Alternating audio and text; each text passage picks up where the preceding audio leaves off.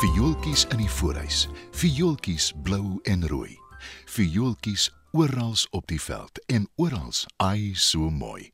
Dit is die maand Oktober, die mooiste mooiste maand. Dis nie my woorde nie, maats.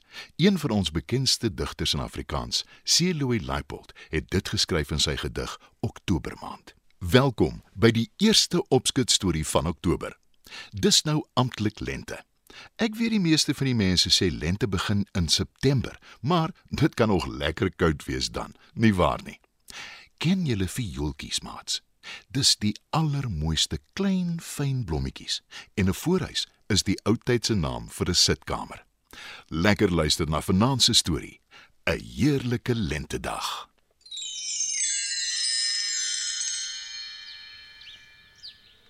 Die lente het pas aangebreek en Markie, die kat, is besonder bly daaroor. Sy hou net mooi niks van die koue nie. Haar heel gunsteling ding is om in die son te lê en bak en om te slaap.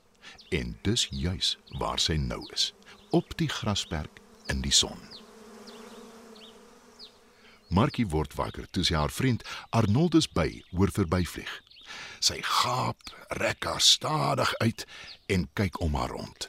Die blomme, die blomme, die pragtige blomme. Sing die by vrolik terwyl hy die nektar uit die blomme drink. Hoe proe die nektar Arnoldus? Vra Markie. Jaarlik soet.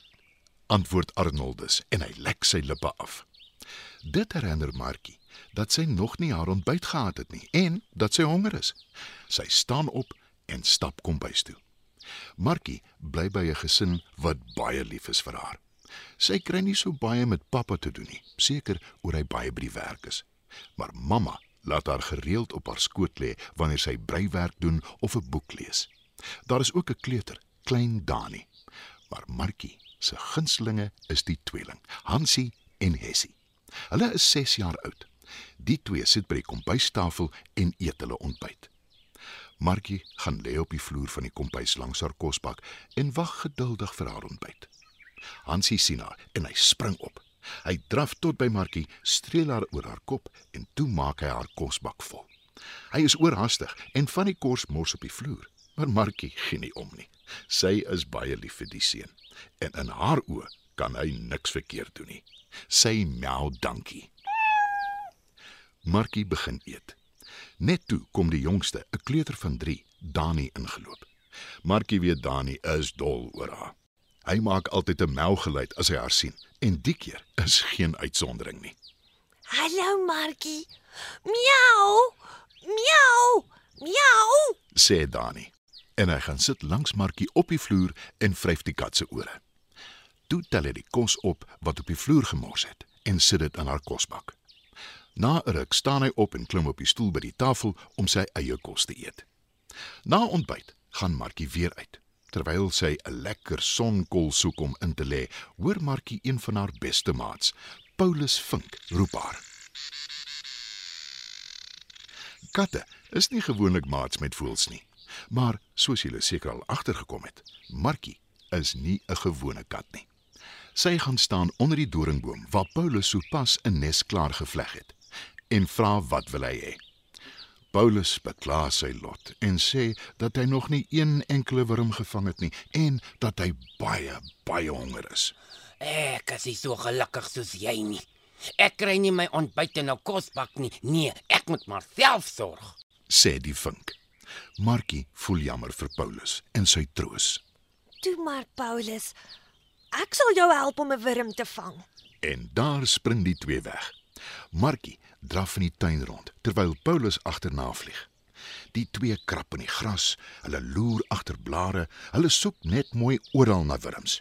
En toe sien Markie 'n wurm, 'n vet wurm op 'n blaar sit. Kom, gou. Roep sy. Hier is 'n lekker vet een. Paulus vlieg nader en vang die wurm. Dankie, Markie. Sal jy my dalk help om nog een te kry? vra Paulus. Natuurlik, my maat. Antwoord Markie en begin weer soek. Sy draf rond en kyk op al die groot blare in die tuin. Net toe sy nog 'n wurm sien en vir Paulus wil roep, hoor sy skielik 'n vreemde geluid. Sy kyk op en sien iets wat soos 'n vliegtyg in die lug lyk. Paulus kom ook nader en verkyk hom daaraan. Hulle wonder wat dit is. Net toe sluit Arnoldus by ook by hulle aan. Hulle besluit dis wel 'n vliegtyg, maar hulle wonder hoekom dit so klein lyk. Toe kom die kinders ook uit die huis gedraf. Hulle is almal baie opgewonde, veral Hansie. Ek wens dit was my vliegtygie. Roep Hansie. Ek kan sien hoe opgewonde jy is. Antwoord Markie vrolik. Markie en haar maats, die kinders, Hansie, Hessie en Dani, die by Arnoldus en die vink Paulus, kyk na die vliegtygie totdat dit in die verte verdwyn. Toe gaan die kinders in die huis in en Markie wys vir Paulus die wurm op die blaar. Hy sluk dit vinnig in. Arnoldus by groet en vlieg weg om nektar te gaan soek. Paulus is nou versadig en hy gaan sit in die doringboom langs sy nes. Markie glimlag gelukkig want sy weet sy is maats met al die diere en insekte en mense. Om die waarheid te sê, sy is maats met almal, al is sy anders as hulle. Sy loop na 'n blombedding toe en ruik aan die blomme. Maar dit kiel haar snorbaarde en laat haar nies. Nogtans roep sy bly. Die blomme ruik heerlik. En die lente is die wonderlikste tyd van die jaar. Toe stap sy weer kombuis toe om te kyk of die kinders, Hansie en Hessie, dalk met haar wil speel. Maar hulle sit by die tafel en bou 'n legkaart.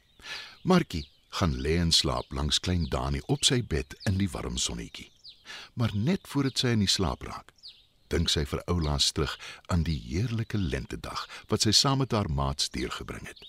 En Markie weet, sy is sekerlik die heel gelukkigste kat op aarde.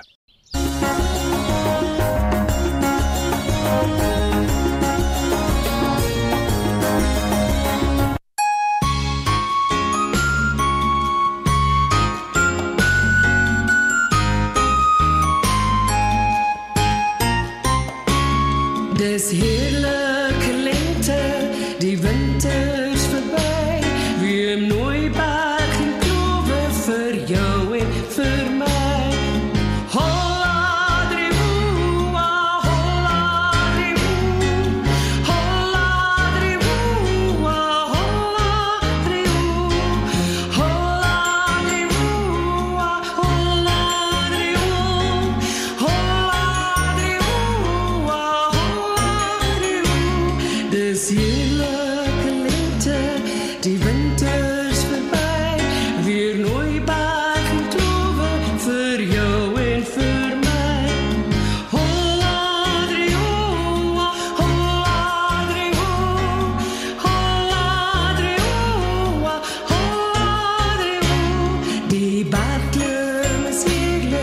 did hope.